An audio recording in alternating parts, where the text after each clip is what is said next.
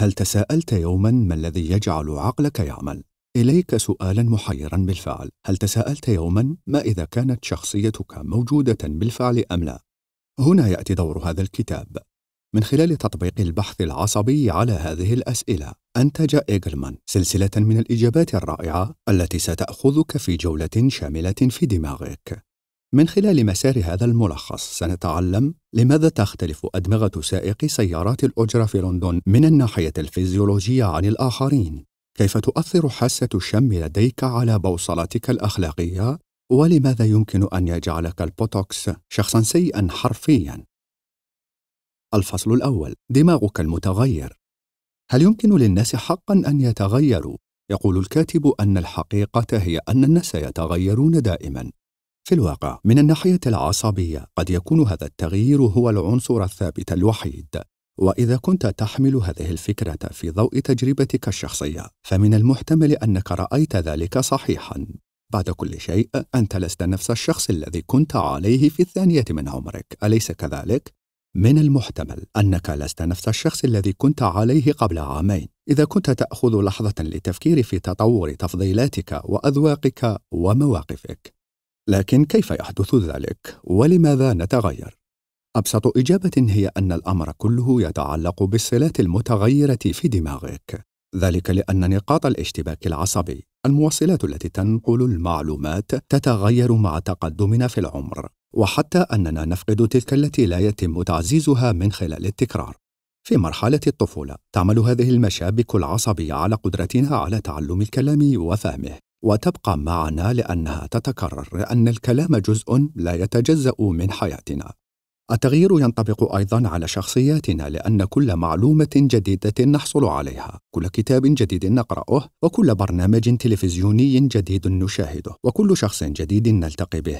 كل هذه تشكل روابط وتشكيلات جديدة فينا. أصبحت هذه القدرة ممكنة بفضل اللدونة أو قدرة عقولنا على التعلم من خلال التكرار. وعلى الرغم من أن أدمغة الأطفال أعلى في اللدونه لأنها جديدة وقابلة للتكيف لا يزال بإمكان أدمغة البالغين تعلم حيل جديدة أيضا. أجرى الباحثون في كلية لندن اختبارا على بعض سائقي سيارات الأجرة. بعد فحص أدمغتهم وجدوا أن هؤلاء الأفراد يمتلكون بالفعل حصينا أكبر. الجزء من الدماغ المسؤول عن ذاكرتنا المكانية. دماغهم أكبر من الأشخاص العاديين لأن عليهم تذكر 25 ألف شارع في لندن وعشرين ألف معلم وثلاثمائة وعشرين طريقا مختلفا وتم اكتسابها جميعا خلال سنوات التدريب الأربعة هذا عزز هذه المنطقة من أدمغتهم ولأن هذه المعرفة كانت تستخدم عمليا كل يوم في الوظيفة. كانت أدمغتهم تتمرن بشكل أساسي طوال اليوم في كل يوم من حياتهم العملية. هذا التمرين المستمر جعل أدمغتهم حرفيا أكبر. الفصل الثاني. إحساسك بالواقع تحدده أنت. تعرف ما هو الواقع أليس كذلك؟ من المفترض أن يكون الواقع موضوعيا ومتسقا وحقيقيا لكن هل تساءلت يوما عن مدى واقعية واقعك بالضبط؟ وهل يختلف واقعك عن واقع شخص آخر؟ قد يبدو هذا مخيفا للتفكير فيه لكن عندما تفكك مفهوم الواقع من خلال علم الأعصاب يكون الأمر رائعا حقا مثلا الأوهام البصرية كيف يبدو الشيء الذي كان يشبه البطة قبل دقائق فقط الآن وكأنه أرنب هذا مثال رائع على كيف يمكن للدماغ أن يبدو فجأة وكأنه يغير رأيه حول ما هو حقيقي وكيف يمكنه فعل ذلك في سيناريوهات أكثر من مجرد أوهام بصرية مرحة تحدث هذه العملية بسبب الطريقة التي يتعامل بها عقلك مع المعلومات الجديدة لأن فهمك للواقع لا يعتمد على المنطق وحده. إنه بناء يتم تشكيله بواسطة أعضائك الحسية التي تتحكم في إدراكك للبصر والذوق والشم. يقدم الكاتب مثال المتزلج مايك ماي الذي فقد بصره في سن الثالثة وعلى الرغم من خضوعه لعملية جراحية تهدف إلى استعادة بصره في الأربعينات من عمره إلا أن هذا الإجراء لم يكن بالنجاح الباهر نظرا لأنه قد أمضى بالفعل معظم حياته في التكيف مع كونه أعمى وحتى في مهنة التزلج على الجليد فقد عوضت حواسه الأخرى عن طريق النمو. ومع ذلك عندما استعاد بصره تعطل إدراكه الكامل للواقع. بدلا من أن يشعر بالإثارة لأنه يستطيع أن يرى الآن كما كان يتوقع كان دماغه مثقلا بالمحفزات البصرية الجديدة لدرجة أن العالم أصبح مكانا مخيفا وساحقا. بعد أن تعلم التعرف على عائلته من خلال اللمس والرائحة وجد أنه لا يستطيع التعرف على أطفاله بعينيه مما تركه مرتبكا ومربكا. أصبح التزلج أيضا أكثر صعوبة حيث كافح للتكيف مع التحفيز البصري. حدث هذا الارتباك لأن دماغه لم يتعلم بعد أن يرى. على الرغم من أننا غالبا ما نميل إلى افتراض أن أعيننا تعمل ككاميرات فيديو تنقل المعلومات إلى دماغنا فقد أثبت التقدم في أبحاث علم الأعصاب أن هذا ليس هو الحال في الواقع. بدلا من ذلك البصر هو جهد تعاوني بين أعيننا وأدمغتنا والطريقة التي نعالج بها الواقع المرئي تعتمد على طريقة تواصل هذين الاثنين. إذا تعطل التواصل بين أعيننا وأدمغتنا فإن إدراكنا للواقع يتغير وفقا لذلك. ولأن مناطق أخرى من دماغ ماي قد تكيفت لمعالجة المعلومات في المقام الأول من خلال حواسه الأخرى، كانت عملية تعلم كيفية الرؤية أكثر صعوبة مما كان يتوقع. هذا مجرد مثال واحد يوضح تعقيدات أدمغتنا. هناك العديد من الظروف التي يمكن أن تحدث نتيجة لشيء بسيط مثل سلك في غير مكانه في الدماغ.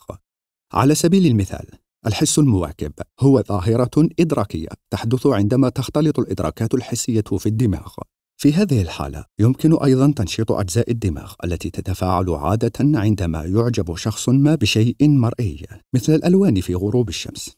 وهذا يؤدي إلى إبلاغ الأشخاص الذين يعانون من الحس المواكب مثل القدرة على تذوق كلمات على الصفحة أو سماع الموسيقى كلون الحس المواكب ليس إعاقة لكنه مثال رائع على كيفية ارتباط قدرة دماغك على معالجة الواقع ارتباطا وثيقا بأعضائك الحسية. الفصل الثالث تتخذ معظم القرارات دون وعي. من منظور عصبي لديك سيطرة أقل مما تعتقد في جزء دماغك الذي يتحكم في قراراتك اليومية. يعالج دماغك الكثير دون وعي لأن معظم مهامك اليومية هي مهارات تمارس والتي يمكن لعقلك تشغيلها على التيار الآلي. هذا يعني أننا في الواقع أفضل في القيام بالأشياء عندما لا نفرط في التفكير فيها. أوستون مثلا هو بطل رياضة التكديس. إنه خبير في التنافس مع الآخرين لتكديس الأكواب والأشكال المختلفة، وكان على استعداد لمنح المؤلف فرصة للحصول على أمواله في مسابقة ممتعة حيث تم توصيل كلاهما بآلات EEG التي تقيس نشاط الدماغ. أظهرت نتائج الاختبار أنه على الرغم من أن إيجلمان كان ينفق قدرا كبيرا من طاقة الدماغ لأداء هذه المهمة غير المألوفة إلا أن دماغ أوستن كان في حالة راحة مثالية أثناء تسابقه في هذه المهمة بسهولة بإمكانه المنافسة بفعالية أثناء القيادة الآلية. قد تميل إلى تفسير هذا النقص في المشاركة الواعية على أنه كسل ولكن في الواقع تظهر الدراسات أنه بمجرد أن نصل إلى مستوى معين من الكفاءة في مهمة ما فمن المرجح أن نرتكب أخطاءنا عندما ينخرط دماغنا الواعي. يعمل عقلك الواعي أيضا من أجلك عندما لا تلعب رياضات تنافسية. مثلا من المرجح أن تكون انطباعا سلبيا عن شخص ما إذا كانت هناك رائحة كريهة في الهواء عند مقابلته. من المرجح كذلك أن تصف علاقاتك مع الآخرين بحرارة إذا كنت تحمل مشروبا دافئا في يدك. في ذلك الوقت. كل هذا يوضح أن أدمغتنا حساسة للغاية لنوع النشاط اللاواعي المعروف باسم التمهيدي. نتيجة لذلك يتأثر اتخاذ القرار لدينا باستمرار بإدراكنا الحسي حتى عندما لا ندرك ذلك. الفصل الرابع: قراراتنا تتأثر أيضا برغبتنا في الإشباع الفوري. الآن بعد أن درسنا الطريقة التي تتخذ بها أدمغتنا خيارات لا واعية، دعنا نلقي نظرة على العوامل التي تؤثر على عملية اتخاذ القرار الواعية لدينا. الجواب بسيط هو أن خياراتنا تتشكل عندما تحفز الإشارات الحسية والعاطفية اجزاء مختلفة من أدمغتنا حتى نتصرف بناء عليها. يمكن لعملية صنع القرار هذه تنشيط حلقة التغذية الراجعة مع الارتباطات الإيجابية أو السلبية. إذا اتخذت قرارا تستمتع به فإن دماغك يفرز مادة الدوبامين. وسيؤخذ هذا الإحساس الممتع في الاعتبار في اتخاذك للقرار في المرة التالية التي يعرض عليك فيها هذا الخيار. تتمثل إحدى الطرق التي نعزز بها فهمنا للدماغ في دراسة الحالات التي تم فيها قطع الاتصال بين الدماغ والجسد.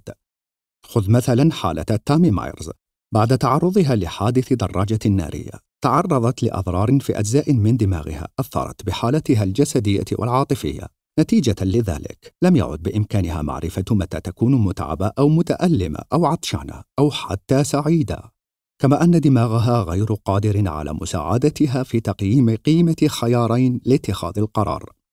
من هذا المثال يمكنك أن ترى بوضوح مدى الكارثة عندما لا يعرف الدماغ كيفية التواصل مع جسمك.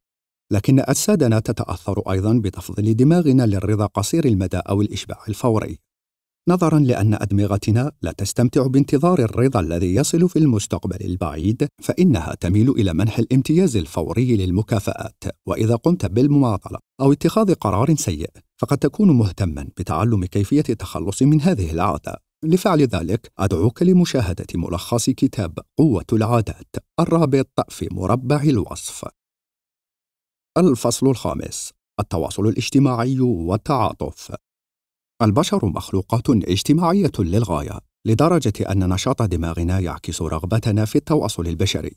ذلك لأن محاولاتنا لقراءة الآخرين والتواصل معهم يتم تسهيلها من خلال التعاطف أو القدرة على التواصل مع الآخرين وعواطفهم. من الناحية العملية نفهم التعاطف على أنه وضع أنفسنا في مكان شخص آخر وفهم ما يشعر به. لكن إذا تعاملنا مع هذا من منظور عصبي يمكننا أن نرى أن التعاطف يحدث بالفعل من خلال الانعكاس. الانعكاس هو عملية عكس تعبيرات وجه شخص آخر لإرشاد أدمغتنا إلى ما يفكر فيه ويشعر به. أراد إيجلمان أن يفهم مدى أهمية الانعكاس في قدرتنا على التواصل مع الآخرين، ولذا أجرى تجربة تضمنت مجموعة مركزة من الأشخاص الذين خضعوا لحقن البوتوكس، ومجموعة أخرى من الأشخاص الذين لم يفعلوا ذلك. ثم أرفق المشاركين بجهاز يقيس حركة عضلات الوجه، وأظهر لكل مجموعة سلسلة من الصور التي تصور تعابير وجه مختلفة، أظهرت نتائجه أن أعضاء مجموعة البوتوكس لم يكونوا أقل تعبيرا فحسب بل واجهوا أيضا مشكلة في تحديد تعابير وجه الآخرين مما يشير إلى انخفاض مستويات التعاطف. الفصل السادس. لا يمكن للتكنولوجيا أن تحل محل أدمغتنا. بينما يخشى الكثير من الناس تقدما مثل ما بعد الإنسانية فإن الحقيقة هي أنه لا يوجد ما نخاف منه. بدلا من ذلك يرى الكاتب أننا سنتمكن من تسخير قوة الأجهزة الإلكترونية والتكنولوجيا مثل غرسات القوقعة الصناعية التي تستخدم لمساعدة الأشخاص ضعاف السمع لتوليد أشكال جديدة من الاتصال. لفهم هذه العملية بشكل أفضل قليلا فكر فقط في كيفية عمل غرسات القوقعة. بكل بساطة إنها أجهزة تنقل إشارة رقمية إلى الدماغ. قد يكون هذا بمفرده مثل تعلم لغة جديدة. وقد لا يكون له معنى بالنسبة للدماغ. ولكن عندما يكون متصلا بحواسك الأخرى فإن عقلك قادر على تفسير ذلك على أنه أداة مساعدة على السمع ويسمح لك بمعالجة الصوت من خلال هذا الجهاز. إن دمج أدمغتنا بتقنية فائقة من شأنه أن يصنع التاريخ ويشكل حدودا جديدة تماما للوجود البشري. وعلى هذا النحو فإنه لن يجعل العقل عفى عليه الزمن بل سيؤدي ببساطة إلى ترقيته. لأن أجهزة الكمبيوتر لا يمكن أن تقترب من محاكاة وعي الإنسان. فمثلا عندما تطرح سؤالا على جوجل فإنه لا يفهمك بالطريقة التي يفهمك بها شخص آخر فهو يستخدم ببساطة خوارزمية معقدة للعثور على إجابة. وهذه القدرة لا يمكن أبدا أن تحل محل قوة الاتصال البشري. الخلاصة تعلم أدمغتنا كل ما نفهمه عن العالم لكننا غالبا لا نفهم الكثير عن أدمغتنا. يمكن أن يساعدنا فهم المزيد حول مفاهيم مثل اللدونة والتعاطف والعملية الحسية في التعرف على أدمغتنا وتقدير العمليات المعقدة التي توجه حياتنا اليومية. يمكن أن تساعدنا هذه المعرفة أيضا على الشعور بالثقة في تعلم أشياء جديدة وإعادة تدريب أدمغتنا. وتنمية التعاطف لتحقيق علاقات أفضل مع الآخرين. كنتم مع ملخص كتاب دماغ لديفيد إيجلمان. قدمته لكم أوديو تاب.